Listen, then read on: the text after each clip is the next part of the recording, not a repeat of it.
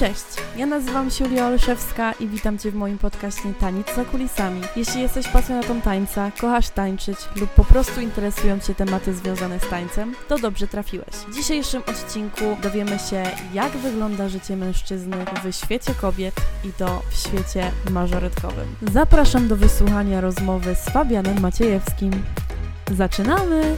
Dzień dobry, dzień dobry, witam Was w kolejnym odcinku mojego podcastu. I dzisiaj będziemy nagrywać e, podcast z osobą, o którą e, wiele z Was prosiło. I zawsze, gdy pytałam na Instagramie, z kim chcecie, abym nagrała podcast, właśnie mój dzisiejszy gość często się tam pojawiał. A więc dzisiaj będziemy nagrywać podcast z Fabianem Maciejewskim. Cześć, Fabian. Witam wszystkich, cześć. No, mówię Ci, naprawdę, uwierz mi, bardzo dużo osób za każdym razem, jak pojawiało się to pytanie, prosiło o Ciebie. I myślę, że to dlatego, że ty jesteś dosyć um, wyjątkową osobowością e, w naszym świecie mażoretkowym, bo po prostu jesteś facetem. To jest zaszczyt, więc brać udział u ciebie w takim podcaście. Zawsze gdzieś była ta chwila gdzie chciałem z tobą o tym pogadać, ale mówię, dobra, może się kiedyś doczekam i ta chwila właśnie nadeszła. A, widzisz, widzisz, ale to wszystko dzięki e, obserwatorom taniec za kulisami. Ja miałam też cię na liście, ale na, na, zawsze to miałam jakoś tak nie wiem, jakoś tak zawsze mówię, no muszę z tym Fabianem kiedyś pogadać, ale w końcu jak już tak zobaczyłam, że kilkanaście osób napisało Fabian, Fabian, Fabian, to mówię, dobra, zaczynamy ten temat i też myślę, że to zmotywuje bardzo dużo osób, um, zwłaszcza płci męskiej, być może, ponieważ, uwaga, mężczyźni też słuchają tego podcastu, także myślę, być że tutaj... jakaś konkurencja trafi. O, właśnie, właśnie, może osobną kategorię w końcu ci zrobią. No. Przydałoby się. Chociaż, słuchajcie, właśnie trwają Mistrzostwa Europy w Mariborze i też trwają Mistrzostwa w Chorwacji i słuchajcie, są kategorie męskie, także dużo jest chłopaków. W sumie wczoraj widziałam trzy solówki, więc e, widzisz Fabian, Mistrzostwa Europy Cię wzywają. No, kiedyś pojadę. No dobrze, a więc zacznijmy od tego. Ja zawsze na początku podcastu chcę wiedzieć, poznać historię danej osoby. Powiedz mi, jak znalazłeś się w ogóle w zespole mażoretkowym? Skąd pasja do mażoretek i w ogóle skąd pomysł na to wszystko? No to jest ciekawa historia, gdyż ja nawet nie słyszałem o czymś takim. Moja siostra chodziła na mażoretki i cały pierwszy rok y, ona tam trenowała, wyjeżdżała na Mistrzostwa Europy i tak dalej. I to właśnie ona zachęciła mnie do tego, żebym poszedł na taki trening. Ja na początku byłem w ogóle taki niezdecydowany, żeby na to iść, bo mówię, ja i taniec na pewno nie. Moja mama również mówiła, że pewnie nie wytrzymam tam dłużej niż tydzień, a jak wyszło po pierwszym treningu, tak bardzo mi się to spodobało, że zostałem aż do dzisiaj. Więc... To, to ile lat już tańczysz w sumie? E, w tym roku będzie 6 lat już, więc sporo. O kurczę, i powiedz mi, od samego początku już startujesz w zawodach, bo ja już się po prostu gubię czasami w tych latach, więc myślałam, że tak na pewno z 3 lata pamiętam, że startowałeś, a wcześniej? Nie, pierwszy rok to w ogóle nie było mowy, żebym wchodził w jakieś układy solowe czy grupowe. Mhm. Gdyż no, facetów nie było wcześniej, więc moja trenerka też nie wiedziała, jak ma się do tego zabrać. Było mi zaproponowane tylko solo, ale ja grzecznie odmówiłem, no bo pierwszy rok nie będę się pchał. W drugim roku już tańczyłem grupowe, ale solo również odmówiłem i dzisiaj żałuję tej decyzji. No, słuchaj, Fabian, twoje solo są zawsze płomienne, także ja też żałuję tej decyzji, że tak e, późno dopiero zacząłeś. Ale powiedz mi w ogóle, jakby wcześniej było tak, że te, twój udział w pokazach grupowych był zakazany, bo ja coś właśnie kojarzę, że to jakby weszło później w jakimś stopniu, w sensie, że w zapiski w regulaminach, że faceci mogą e, tańczyć w układach grupowych. Czy to zawsze jakby było dozwolone? E, było dozwolone tylko w dwóch kategoriach, w miksie i w show. Ewentualnie było we flagach dozwolone udział facetów. Tak, inne kategorie były mi odrzucane. Nie mogłem w niczym brać udziału, więc po prostu nie tańczyłem. Okej, okay, a teraz już normalnie w formacjach baton też możesz startować i w buławach tak. chyba też? Teraz już we wszystkim. No to super, Więc... fajnie. Fajnie, patrz, proszę, byłeś takim prowoderem do tego, żebyśmy się trochę otworzyli na mężczyzn w tym naszym świecie mażoretkowym. No tak, wszystko Więc... zapoczątkowała moja trenerka, kto ona w sumie zadziałała z tym, żebym ja mógł tańczyć grupowe formacje w każdej kategorii, a nie tylko w dwóch czy trzech wyznaczonych. Okej, a powiedz mi, czy ty byłeś w ogóle, e, kojarzysz, czy ty byłeś jakby pierwszym takim facetem w świecie mażoretkowym, czy byli przed tobą jeszcze jacyś e, mężczyźni? Był przede mną jeden.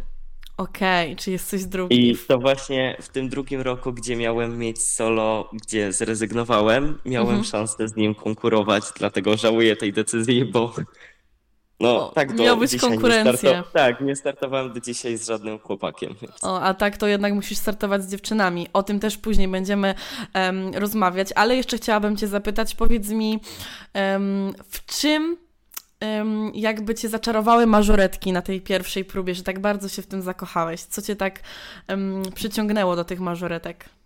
Ta praca z rekwizytem. To, Okej. co było dla mnie niepojęte, nie wiedziałem w ogóle, jak się kręci na początku. To zwykłe, podstawowe kręcenie zawsze myślałem, że jest przez palce. Okej, Więc czyli poczułeś tak takie mnie- wyzwanie. Tak, to było takie dla mnie wow, szok i mówiłem sobie w głowie, nie, ja muszę to umieć. I I tak zostało do dzisiaj. tak, wciągnęło mnie to po prostu. A powiedz mi, co jest takim dla Ciebie największym wyzwaniem w mażoretkach w ogóle? Ta praca z rekwizytem. Bo taniec, jak taniec, no jest trudnym sportem, ale dołożyć jeszcze do tego pracę z rekwizytem, gdzie no wszyscy wiemy, twirlingi nie należą do prostych, a z roku na rok trzeba poprzeczkę podnieść w górę. Okej, a powiedz mi w ogóle, możesz trochę opowiedzieć o swojej historii, bo em, z tego co ja kojarzę, to byłeś w dwóch zespołach, prawda? Tak, przez Możesz- pierwsze pięć lat trenowałem w, u siebie w Kościanie pod nazwą Rytmix Kościan. No teraz przez rok y, tańczę w UKS Artis Góra. No jest trochę daleko, bo 60 km ode mnie, ale było to spowodowane tym, że no, stworzyły się komplikacje w moim byłym zespole, co poskutkowało, że musiałem zrezygnować i zmienić zespół. Mhm. Więc powiedz- poszedłem za trenerką i od początku do końca jestem przy mojej trenerce. Okej, a powiedz mi, to ty dojeżdżasz jakoś autem, pociągiem na treningi? E, Dojeżdżam pociągiem do Leszna, a później zabiera nas e, moja trenerka właśnie, pani Kamila, za co jej strasznie dziękuję, bo gdyby nie ona, to nie byłoby szans tam dojeżdżać. Powiedz mi, ile wy razy w tygodniu tr- trenujecie? Dwa. O kurde, to naprawdę powiem ci, że No jest prawdziwa wyzwanie. pasja. Jest prawdziwa pasja i poświęcenie, także szacun, y, szacun dla ciebie. Podziwiam, ale czego się nie robi dla pasji, prawda? No oczywiście, dla chcącego nic trudnego, jak to mówią, więc...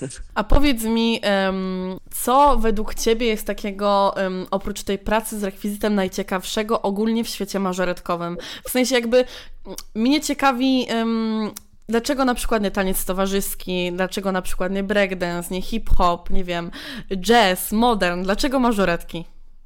No tak jak mówię, ta praca z rekwizytem mnie jakoś tak wciągnęła, za, zaszokowała mnie totalnie i, i to jest to, co robi największe wow.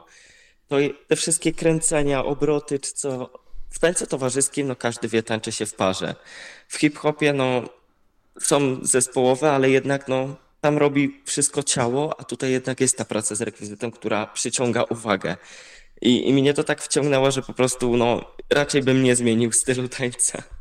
Okej, czyli rozumiem, że po prostu em, jakby praca z rekwizytem daje Ci ogromną satysfakcję, bo podejrzewam, że jak nauczysz się jakiegoś takiego twirlingu z już takiego wyższej półki, to wtedy po prostu czujesz taką ogromną satysfakcję. Oj, tak, tak, to jest to. Trzeba przesiedzieć, nauczyć się, ale jak wyjdzie, to już jest później wow, szok i wielkie zadowolenie.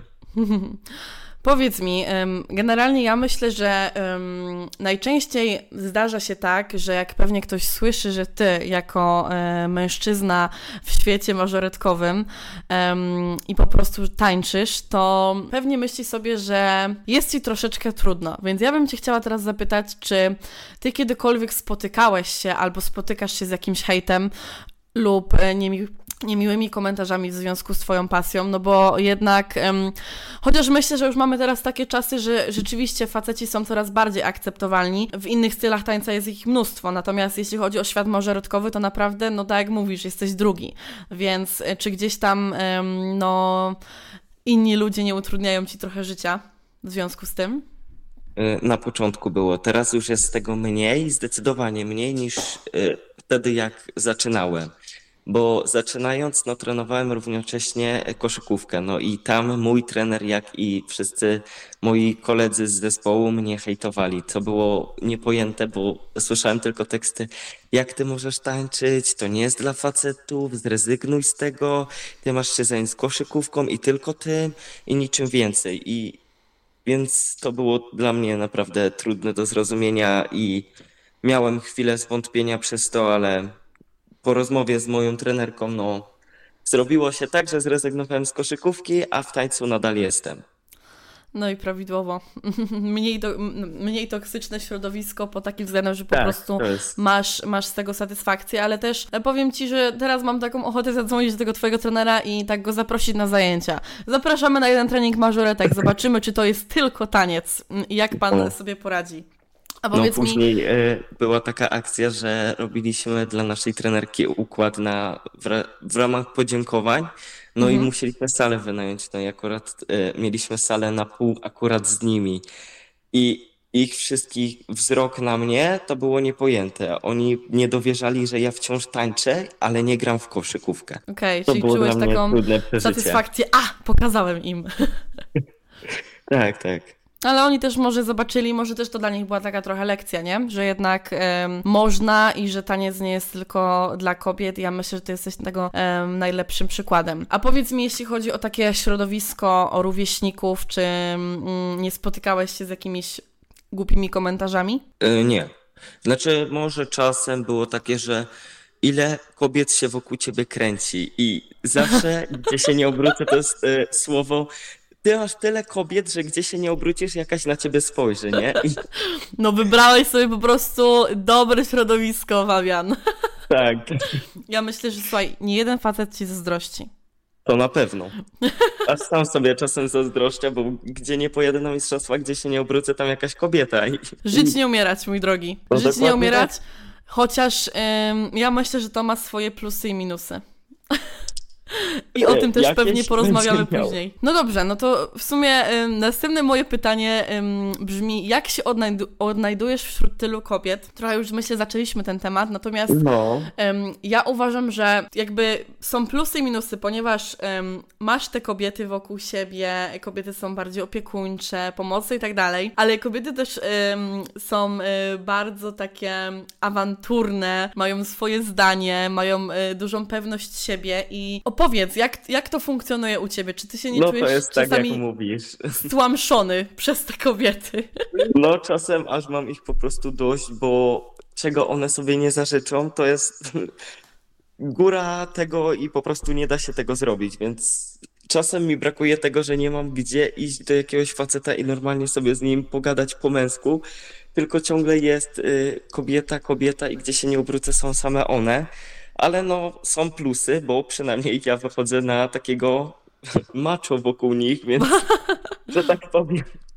Ale no, jak mówisz, są plusy i minusy tego, że jest tyle kobiet. A powiedz mi, jak na przykład robicie wspólną choreografię i e, no gdzieś tam, nie wiem, mm, czy jesteś w jakiś sposób wyróżniany, czy nie masz e, z tego powodu problemu? W sensie, czy inne dziewczyny po prostu nie są w jakiś sposób zazdrosne o to mm, i czy na przykład nie spotkałeś się nigdy z e, taką sytuacją, że powiedzmy jakaś dziewczyna z zespołu powiedziała ci tekstem, że no bo przecież ty jesteś z przodu albo ty masz jakieś rzeczy solowe, bo jesteś facetem, bo się wyróżniasz. E, było tak raz. Raz mi się zdarzyło usłyszeć komentarz, że ja ciągle stoję na czele, jestem z przodu i, ma, i mam się tak nie popisywać. I to mnie, nie powiem, zabolało, no bo jednak no ja sobie nie decyduję o choreografii tam, gdzie stoję i dla mnie stanie z tyłu, jak i z przodu jest tak samo ważne, więc to był tekst, który mnie faktycznie zabolał, bo jednak ja sobie nie wybrałem miejsca w formacji formacji czy układu solowego.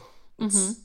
Okej, okay, rozumiem. W sensie to jest po prostu rola choreografa, no ale wiadomo, że e, czasami to nie jest zrozumiałe wśród e, tancerek i to jest chyba całkowicie normalne, bo jest gdzieś zawsze w człowieku ta rywalizacja, bo to jest gdzieś tam jakiś nasz odruch e, naturalny. Także nie ma też co się dziwić, ale ja myślę, że też u Ciebie widać, że to jest po prostu ciężka praca i że Ty też na tych przestrzeni kilku lat, gdzie ja też Cię obserwuję na scenie, no to ja myślę, że u Ciebie widać rozwój mm, po prostu nawet zamkniętymi oczami byłoby go widać, więc ja myślę, że też takie komentarze są totalnie bez, bez podstawy, bo to po prostu widać u Ciebie. No tak. No muszę zdecydowanie więcej pracować jako no ten główny członek w formacji czy coś. Powiedz mi, jak sobie na przykład czasami um, radzisz um, z kobietami, kiedy powiedzmy, nie wiem, one chcą tobą trochę manipulować albo pomiatać. Um, zdarzają ci takie sytuacje, jak sobie wtedy radzisz? E, znaczy, ja jestem e, jakby stosowny i mówię wprost, czego oczekuję, więc raczej Okej. nie zdarzyło mi się, żeby ktoś mną manipulował, gdzie mam stać i co robić. Jednak to jestem tym głównym dyrektorem, który mówi, co kto ma robić. Ale myślę, że to jest w ogóle bardzo potrzebne w Twoim charakterze, bo no jakbyś nie miał takiego czegoś, no to też ciężko byłoby Ci współpracować jednak z tymi kobietami, bo nie dosyć, że pani trener kobieta, nie dosyć, że em, inne dziewczyny z zespołu, no to też kobiety. E, no także naprawdę, em, no masz em, ciężki orzech do zgryzienia, słuchaj mój drogi. No tak, nie pozwalam sobie wejść na głowę i to jest jedyny główny punkt, który muszę się trzymać. Okej. To Powiedz mi, masz czasami takie momenty, że mm, czujesz się w jakiś sposób gorszy lub czujesz, że musisz więcej praco- pracować, no bo jednak rywalizujesz z dziewczynami. I no jakby teoretycznie ktoś by mógł powiedzieć, że no jakby czemu miałbyś więcej pracować, ale jednak zarówno fizjologia i anatomia dziewczyn e, i chłopaków się różni i też myślę, że em, no dziewczyny czasami mają, mają taki po prostu naturalny dryg do tego wszystkiego, Em, więc jak, jak to jest u Ciebie? Czy czujesz, że czasami musisz więcej, no bo jednak em, rywalizując w kategoriach z 20 innymi dziewczynami, no to jest pewnie różnica. E, Może nie o tyle czuję się gorszy, ale moim zdaniem, z mojego punktu widzenia, wiem, że muszę więcej pracować na to, żeby pokazać więcej. No bo jednak jak się widzi w komisji sędziowskiej, no praktycznie same kobiety, no to wiem, że będą oczekiwać ode mnie więcej niż od kobiet. Bo Więc tak naprawdę w sumie na arenie polskiej myślę, że mamy e, dwóch męskich sędziów, tak mi się wydaje. y, bardzo możliwe, bo spotykam się z sędziami płci męskiej, ale jednak Jednak przewaga to kobiety. kobiety. Chociaż Więc- powiem Ci, że teraz już jest teraz e, tego wię- e, coraz więcej, ponieważ też e, dużo mężczyzn jest w ogóle instruktorami zespołów. I to jest coś, co ja na przykład, gdzie ja zaczynałam kilkanaście lat temu, gdzieś tam pierwsze zawody i tak dalej, do tego totalnie nie było. W ogóle nie było mężczyzn w tym świecie. E, oprócz na przykład takich jakichś tam wyższych stanowisk w stowarzyszeniach i tak dalej. A teraz już właśnie coraz częściej się spo- spotyka, że rzeczywiście mężczyzna trenuje normalnie dziewczyny, mażoretki i cały zespół, także e, to też jest taki właśnie fajny akcent tego, że coraz więcej tej płci męskiej mamy w tym świecie mażoretkowym. No, też się z tego cieszę, bo właśnie zauważyłem to ostatnio i, i czekam tylko na moment, kiedy właśnie faceci zaczną tańczyć, żebym mógł mieć tą konkurencję. Słuchaj, musimy zrobić jakąś taką kampanię, zapraszamy mężczyzn do, do mażoretek, chociaż powiem Ci, że wydaje mi się, że już w ty, tym młodszym wieku coraz więcej tych chłopców rzeczywiście tańczy, bo teraz na przykład w tym sezonie bardzo dużo było właśnie widać takich e, chłopców w jakichś tam formacjach pomponów kadetek, w jakiś show, także myślę, że już coraz powoli gdzieś tam idziemy w tą e, dobrą stronę i myślę, że może w końcu kiedyś będziesz miał tą konkurencję. No, prędzej się zestarzeję, a oni dojdą do grupy seniorskiej, więc Może kiedyś doczekamy się, wiesz, typowo w ogóle męskiej drużyny zespołu. może. To byłoby Czekam coś- na to. To byłoby Jadę coś fajnego. wtedy Fabian, y, świat jest przed tobą otworem. No, Słuchaj, może... będę, ja będę może, trenerem, który założy tylko męską grupę. Słuchaj, to byłby hit, na, naprawdę. Uwierz No. mi, że to już byście mieli taką kartę przetargową, że samo to, że jesteście mężczyznami, tak? Na przykład wychodzą, nie wiem, rodzice w kategoriach tych właśnie Grand Senior i tańczą z tymi pomponami, są tam też panowie, tacy starsi, no to też myślę, że to jest jakieś, w jakiś sposób karta przetargowa tego, że to robi już samo wrażenie, że po prostu takie osoby tańczą, tak? No więc myślę, że jakbyście zrobili taką właśnie męską drużynę, to już by był hit. No poczekam może z 2-3 lata i się może sprawdzi.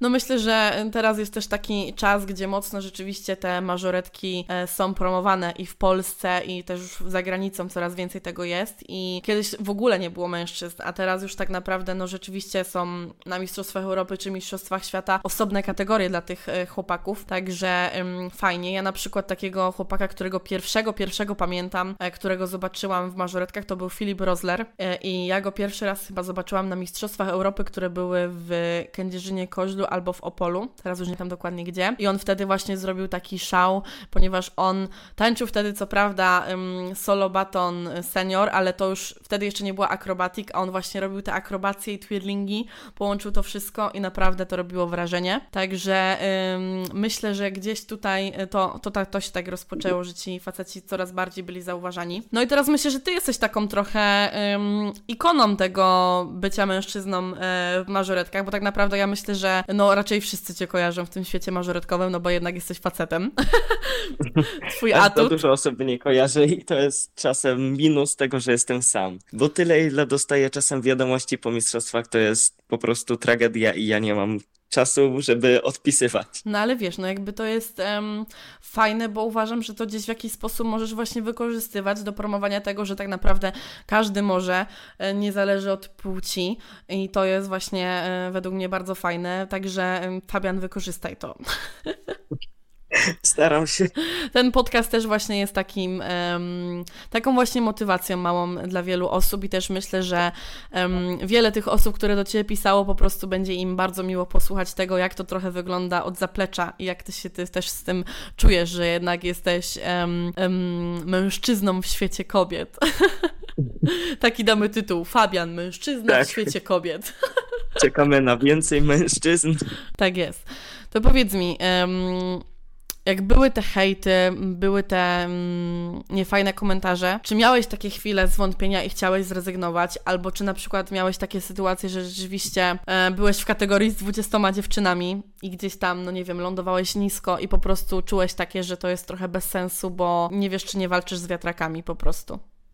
E, Była taka chwila. Po pierwszym lub drugim roku e, miałem swoją poważną rozmowę z panią Kamilą na temat tego, że jej mówiłem, że chciałbym z tego zrezygnować, że chyba to nie jest dla mnie. No, wszystko przez ten, tą falę hejtu, która na mnie spłynęła wtedy, ja poczułem, że to chyba faktycznie nie jest dla mnie i to jest chyba odpowiedni moment, żeby z tego odejść.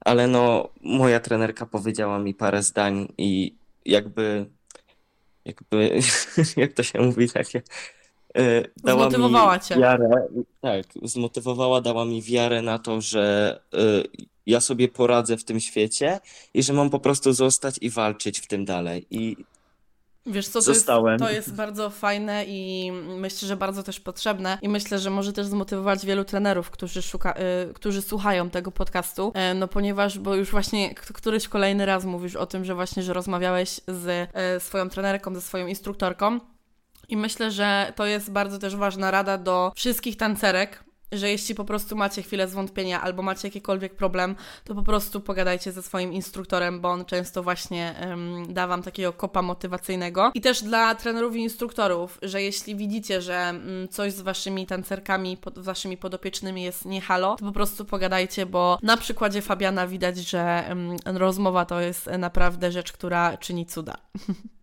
tak, bez rozmowy się nic dalej nie obejdzie. Gdybym faktycznie z nią nie porozmawiał, to pewnie odszedłbym z tego i nawet by mnie teraz tutaj nie było. A szkoda. To słuchaj, powiedz mi, jakbyś miał tak dać właśnie jedną radę taką e, konkretną, albo jakieś takie słowa przekazać dla osób, które mają te chwile zwątpienia, bo em, jest, są takie momenty, kiedy jest po prostu takie wypalenie i kiedy em, człowiek czuje, że, że się zastanawia, czy to jest na pewno to. Więc jakbyś miał e, tak komuś przekazać, wyobraź sobie, że właśnie jakaś osoba tego słucha i szuka tej inspiracji, żeby zostać, żeby kontynuować, co byś radził albo co byś powiedział takiej osobie?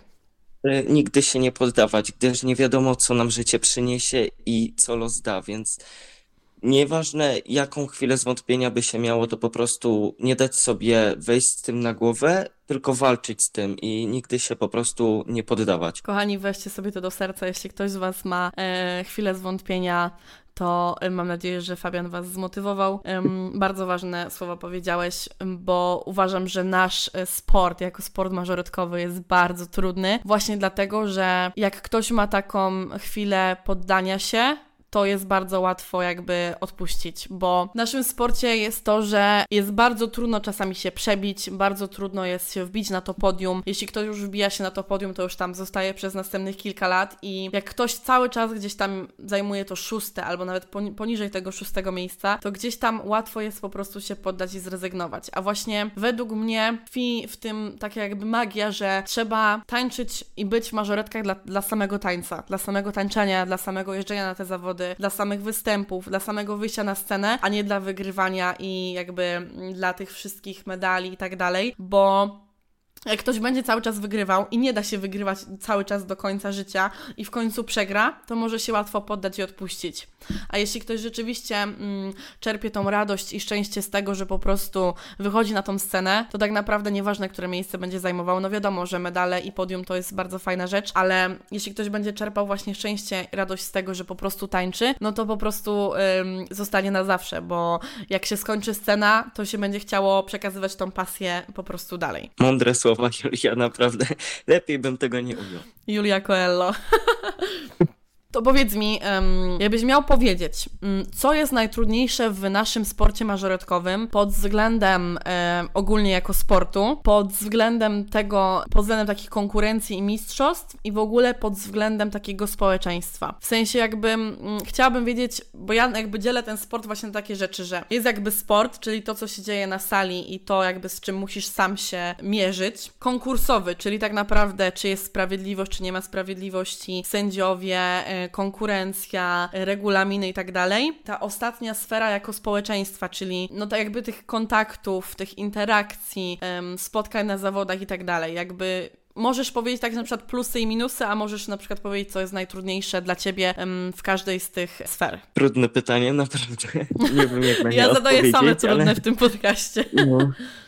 E, powiem tyle, że no tak jak już wspomniałem, ta praca z rekwizytem jest trudna, jeśli chodzi o samą pracę jakby. Co do mistrzostw, jeśli chodzi o sędziowanie czy wyjście na scenie, to najtrudniejsze jest po prostu wbić sobie do głowy, że nieważne jak się wyjdzie, co się pokaże, to jest się już wygranym. Bo każde wyjście na scenę to po prostu już jest zwycięstwo. I nieważne, czy zajmie się to e, miejsce medalowe, czy później, to zawsze ta osoba powinna czuć się wygrana, bo wyszła na tą scenę i się nie poddała. A co do społeczeństwa, to po prostu może co nie jest najtrudniejsze, ale czego nie potrafię pojąć, to brak dopingu zespołom, których się nie zna. Bo są zespoły, które są mniej znane i e, słychać to w odbiorze, jak są wyczytywani, że jest mniej oklasków po prostu. I nie potrafię tego zrozumieć, dlaczego po prostu zespoły sobie nie dopingują w ten sposób. Powiem Ci, że ja mam taką z tym związaną historię, ponieważ ja jakby prowadzę swój zespół, e, w przyszłym roku będzie 5 lat.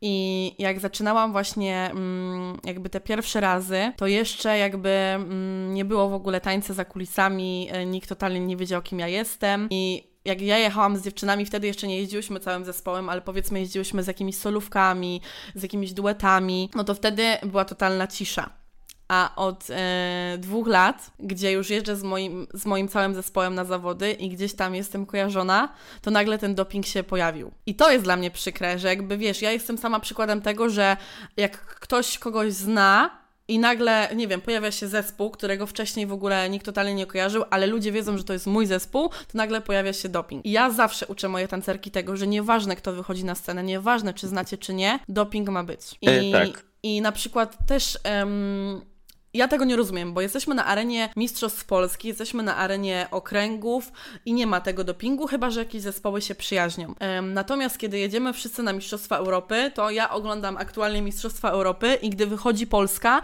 to dosłownie wszystkie zawodniczki z Polski krzyczą, biją brawo i jest po prostu aplauz na całą arenę takiego, jak nie ma w ogóle żaden kraj. I to jest dla mnie trochę niezrozumiałe, jakby czemu na Mistrzostwach Europy tak jest, a czemu w Polsce tak nie ma. No jakby nie rozumiem tego totalnie. No ja też nie potrafię tego pojąć, bo faktycznie no, tak jak ty byłaś nieznana, to twojemu zespołowi nikt nie dopingował, a odkąd no każdy ciebie zna, no to już jest ten doping i i te oklaski, okrzyki i tak dalej. No, bar bardzo nie fair, bardzo nie fair. Także ja w ogóle, jak na początku um, miałam taniec za kulisami, to ja w ogóle bardzo, bardzo długo w ogóle nie przyznawałam się, że um, mój zespół to mój zespół. Bo właśnie chciałam trochę tego uniknąć, żeby nie było tak, że ktoś zaczyna kojarzyć mój zespół dlatego, że ja jestem trenerem, a nie, że dlatego, że one tańczą. No ale później stwierdziłam, że um, no gdzieś tam ja się chcę chwalić tymi moimi dziewczynami um, i tymi naszymi moimi sukcesami, więc przestałam to ukrywać. No niestety podziało się jak podziało, ale też wiadomo, um, mnie na przykład bardzo wkurza to, że um, ludzie czasami porównują właśnie takie mniejsze zespoły do takich większych zespołów, które mają kilkuletnie doświadczenie. I w sensie ja się spotkałam kilkukrotnie z takimi na przykład hejtami, oczywiście z anonimowych kont, bo jakby inaczej rzadko kto ma tak odwagę napisać mi ze swojego prawdziwego konta i się przyznać, że to on napisał napisał jakąś rzecz daną, chociaż są takie osoby i do nich mimo y, hejtu, to tak mam szacunek. Na przykład, że ym, czym ty się szczycisz, jak ty masz bardzo słaby zespół, ale coś tam y, zdobył jakiś medal i czym ty się szczycisz, bo była słaba kategoria i tak dalej. Powiem Ci tak, jak ja bym się miała przejmować takimi komentarzami, to bym zwariowała, a po drugie, dla mnie każde osiągnięcie, nieważne jakby jakie to jest miejsce, ile było zawodniczek w konkurencji, to jest dla mnie ważne, bo ja wiem, jak to też działa na psychikę moich dzieci. W sensie, nawet jak było pięć dziewczyn w konkurencji, a one były drugie, to ja już wiem, że to im po prostu dało plus 100 do pewności siebie i ja nagle przychodzę na trening i ja widzę to plus 100 pewności dla siebie. A wiem też, że działa to może tak, że jak na przykład ktoś zajmuje piąte miejsce i jest powiedzmy um, pięć w kategorii, tak na przykład rok temu miałyśmy taką sytuację, że um, moja tancerka była czwarta na Mistrzostwach Polski, gdzie było w kategorii 4 e, zawodniczki e, i ona tak naprawdę miała to czwarte miejsce na Mistrzostwach Polski, co dla niektórych powinno być w ogóle wow, czwarta w Polsce i tak dalej, ale ja widziałam, że u niej po prostu to spowodowało takie, że zaliczyła taki dołek i właśnie była ta potrzebna rozmowa ze mną, czyli z instruktorem i takie zmotywowanie jej, że jakby słuchaj, to było tylko miejsce, to, byli, to były tylko Mistrzostwa Polski jakby i to, że Ty zostałaś oceniona na czwarte miejsce, to też nie znaczy, że mm, jakby Ty nie umiesz tańczyć, że, że jakby, że masz z tego odchodzić, że no, to jest ciężkie, to jest ciężkie ciężkie w tym sporcie i dla mnie jako instruktora to jest bardzo ciężkie, żeby tłumaczyć dzieciom czasami takie rzeczy. Um, I no uważam, że też mało instruktorów też to robi bo ja widzę tak. i też tutaj właśnie na Instagramie często piszę właśnie z dziewczynami, które już są nawet starsze, a one też potrzebują tej rozmowy i to jest dla mnie też trochę nie na miejscu, że ja czasami takie rozmowy muszę przeprowadzać na Instagramie. No jest ciężko, bo powiem na swoim przykładzie, gdy rok temu wystawiałem solo baton i w Gostyniu jeszcze było Mhm. chyba 23 zawodników. I ja za, już miałem totalnie, odechciało mi się tańczyć, bo mówię, i tak się nie wbije na dobre miejsce, i tak się nie wbije na dobre miejsce.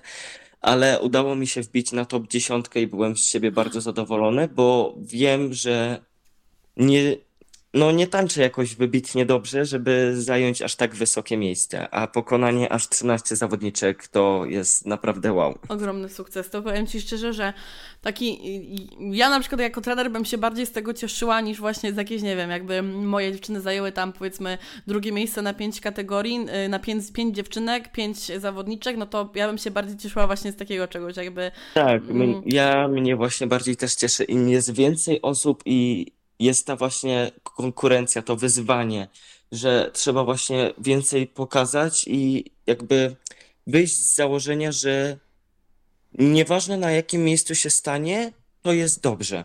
A jednak no, gdy już jest, są cztery, czy faktycznie są te trzy zespoły i już się wie, że ma medal, to ja nie czuję satysfakcji z odebrania medalu, bo jednak no nie mhm. wywalczyłem go, po prostu miałem już go od początku, a zależało tylko czy będzie on złoty, srebrny czy brązowy.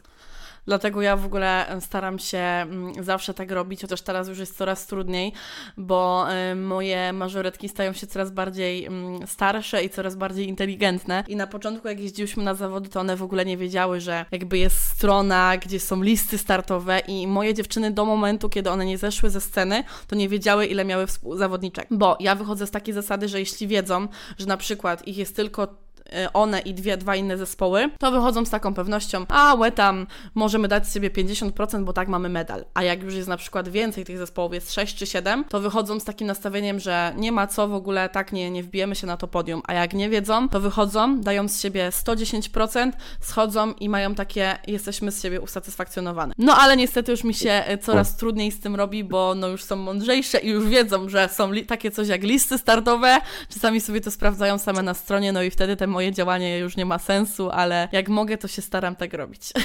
No, dobre podejście. Aż sam czasem chciałbym nie widzieć tych list startowych, ale jednak no, ciekawość zawsze wygrywa. Zawsze, zawsze, zawsze, zawsze jednak. Chociaż tak naprawdę ym, ciekawość zawsze wygrywa, ale ja mam na przykład tak, że zawsze jak wchodzę w te listy, to ja tak wiem, kto tam będzie na tych listach. No, to już jest z roku na rok ci same osoby i... Dobrze, to Nie powiedz ma. mi y, teraz właśnie y, takie będzie pytanie z przymrużeniem oka, bo ja się nad tym zastanawiałam właśnie, jak sobie przygotowałam pytania i tak mówię, zapytam Cię o to, bo ja sama często spotykam się z takimi y, pytaniami. Y, Powiedz mi, jak Ty siebie nazywasz? Mażoret? Mażoretek? Czy masz jakieś E, inne określenie? Od początku ja nie wiedziałem, jak mam to odmienić, no bo jednak, no, trudne słowo. Trudne, trudne. Więc y, przyjąłem, że chyba najlepszą opcją będzie nazwanie siebie mażoretem, bo Mhm. jednak jest takie określenie nie Męskie mówiące nic i jest takie, jakby to powiedzieć, ogólne. Ale jednak jeśli ktoś mówi mażoretki, czy jakoś inaczej jeszcze, to już po prostu jestem przyzwyczajony. Tak samo jeśli na treningu ktoś mówi dziew dziewczyny, no to ja wiem, że do mnie też się to tyczy i po prostu już jestem przyzwyczajony do tego, że nieważne jak zostanę nazwane, to wiem, że mnie się też to tyczy. Okej, okej, czyli, czyli mażoret. Ciężkie, ciężkie jest, bo mamy w ogóle y, polski język jest bardzo ciężki i u nas te wszystkie y, mianowniki, celowniki, przypadki to jest y, trudny temat, więc ja się zawsze zastanawiałam na tym, ale Tak, jeśli ty się określasz mażoretem, to ja teraz też tak będę mówić, żeby poszło dalej w świat. Mm, a powiedz mi, jak na przykład gdzieś występujecie i jakby widać, em, że jednak w grupie dziewczyn jesteś ty jako facet, to gdzieś tam robi to jakoś wrażenie, na przykład, em, nie wiem, czy po występach ludzie do ciebie podchodzą, czy jest jakaś na to reakcja ludzi? E, tak, raz jak tańczyliśmy, e, tylko soliści w sumie tańczyliśmy, no to tańczyliśmy w jakimś przedszkolu czy coś.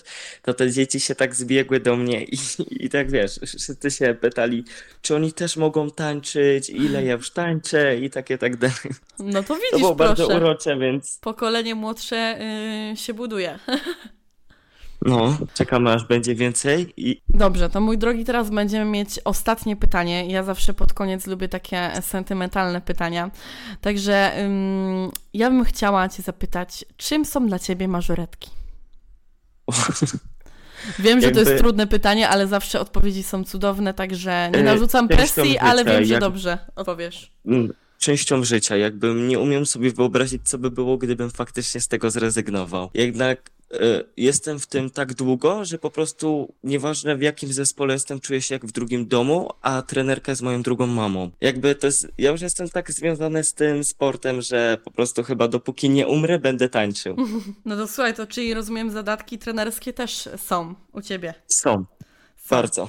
Są, no to czekam, czekam. Ja czekam. też czekam, jeszcze nie wiem kiedy, ale Ale no, skoro Próbuję. mówisz, że jakby gdzieś tam tak silnie to jest częścią twojego y, życia, to na pewno y, długo, długo zostanie. Zresztą tańczyć możesz do 26 roku życia, a nawet po. Także słuchaj, Dłużej. jest nieograniczone możliwości, a zresztą nikt nie mówi, że nie możesz być jednocześnie tancerzem i trenerem, także... no tego nikt nie zabrani. Słuchaj, powiedz mi, czy ty chciałbyś jeszcze coś przekazać w świat, coś, co pójdzie dalej w tym podcaście i jak ktoś będzie odsłuchiwał tych odcinków kiedyś w przyszłości, to czy chciałbyś, żeby coś poszło w świat od ciebie, E, czy... No, jak mnie dziewczyny z zespołu prosiły, żebym ich pozdrowił, ale tajną nazwą, więc pozdrawiam pogromców kurzu. Pozdrawiamy dziewczyny, ja też pozdrawiam. Okej. W takim razie dziękuję Ci bardzo serdecznie, Fabian, za ten odcinek. E, mam nadzieję, że to będzie taki przełomowy odcinek i trochę zmotywuje właśnie męską część tego tanecznego świata i w ogóle też myślę, że trochę trenerów i instruktorów do tego, żeby też się otwierać, bo ja też często słyszę, że gdzieś tam chłopcom się odmawia. E, no bo to jednak inna anatomia, inna fizjologia, inaczej się też trochę ćwiczy. E, także mam nadzieję, że to trochę zmotywuje. Dziękuję Ci bardzo za ten odcinek. Dziękuję, że się otworzyłeś, że trochę nam pokazałeś, jak to wygląda od Twojej strony. Myślę, że już będzie bardzo, bardzo ciekawe dla tych wszystkich osób, e, które Cię znają, obserwują i gratulują po wszystkich występach i do Ciebie piszą, jak to wygląda z Twojej strony. Życzę Ci powodzenia w tym świecie kobiet żebyś dawał radę, żebyś miał to swoje zdanie cały czas, żebyś został tym trenerem i żeby ta pasja została w tobie. No i mam nadzieję do zobaczenia na mistrzostwach, jak zawsze, bo my tam gdzieś zawsze się złapiemy na mistrzostwach, chwilę pogadamy. Ostatnio nawet szatnie mieliśmy razem, prawda? E, ja dziękuję za ogólne zaproszenie do tego podcastu i mam nadzieję, że po tym podcaście zapisze się więcej facetów i w końcu doczekam się tej konkurencji w solówce. Dokładnie, Więc... trzymam za to kciuki. Trzymam, trzymam kciuki za facetów i za ich motywację. A więc, kochani, dziękujemy bardzo serdecznie za wysłuchanie tego podcastu. Mam nadzieję, że miło Wam się słuchało mojej i Fabiana konwersacji. Dziękujemy za wysłuchanie i pa! Pa! Dziękuję Wam bardzo serdecznie za wysłuchanie tego podcastu. Mam nadzieję, że Fabian rozwiał Wasze wątpliwości i pokazał trochę, jak wygląda świat m, oczami mężczyzny, ten nasz świat mażorytkowy pełen kobiet. Mam nadzieję, że jesteście usatysfakcjonowani, dlatego że Fabian był gościem, e, o którego Wy prosiliście, który zawsze pojawiał się gdzieś tam, e, gdy Was pytałam, z kim chcecie, abym nagrała podcast. Także mam nadzieję, że jesteście usatysfakcjonowani i to dopiero początek gości których Wy oczekujecie w podcaście. Dziękuję Wam bardzo serdecznie jeszcze raz za wysłuchanie tego podcastu. Oczywiście zapraszam na Instagrama Taniec za kulisami, gdzie jest mnie najwięcej, gdzie jesteście ze mną cały czas na bieżąco. Są storieski, rolki i posty. Oczywiście zapraszam też do obserwowania i oceniania podcastu na Spotify, na iTunes, e, czy też subskrypcji na YouTubie. Pamiętajcie o naszej grupie Tancerze za kulisami. Wakacje oficjalnie się rozpoczęły, a więc będzie mnie tutaj teraz trochę więcej na Instagramie także, także kochani śledźcie, słuchajcie, czekajcie, obserwujcie i wyczekujcie kolejnych odcinków podcastów. Do usłyszenia!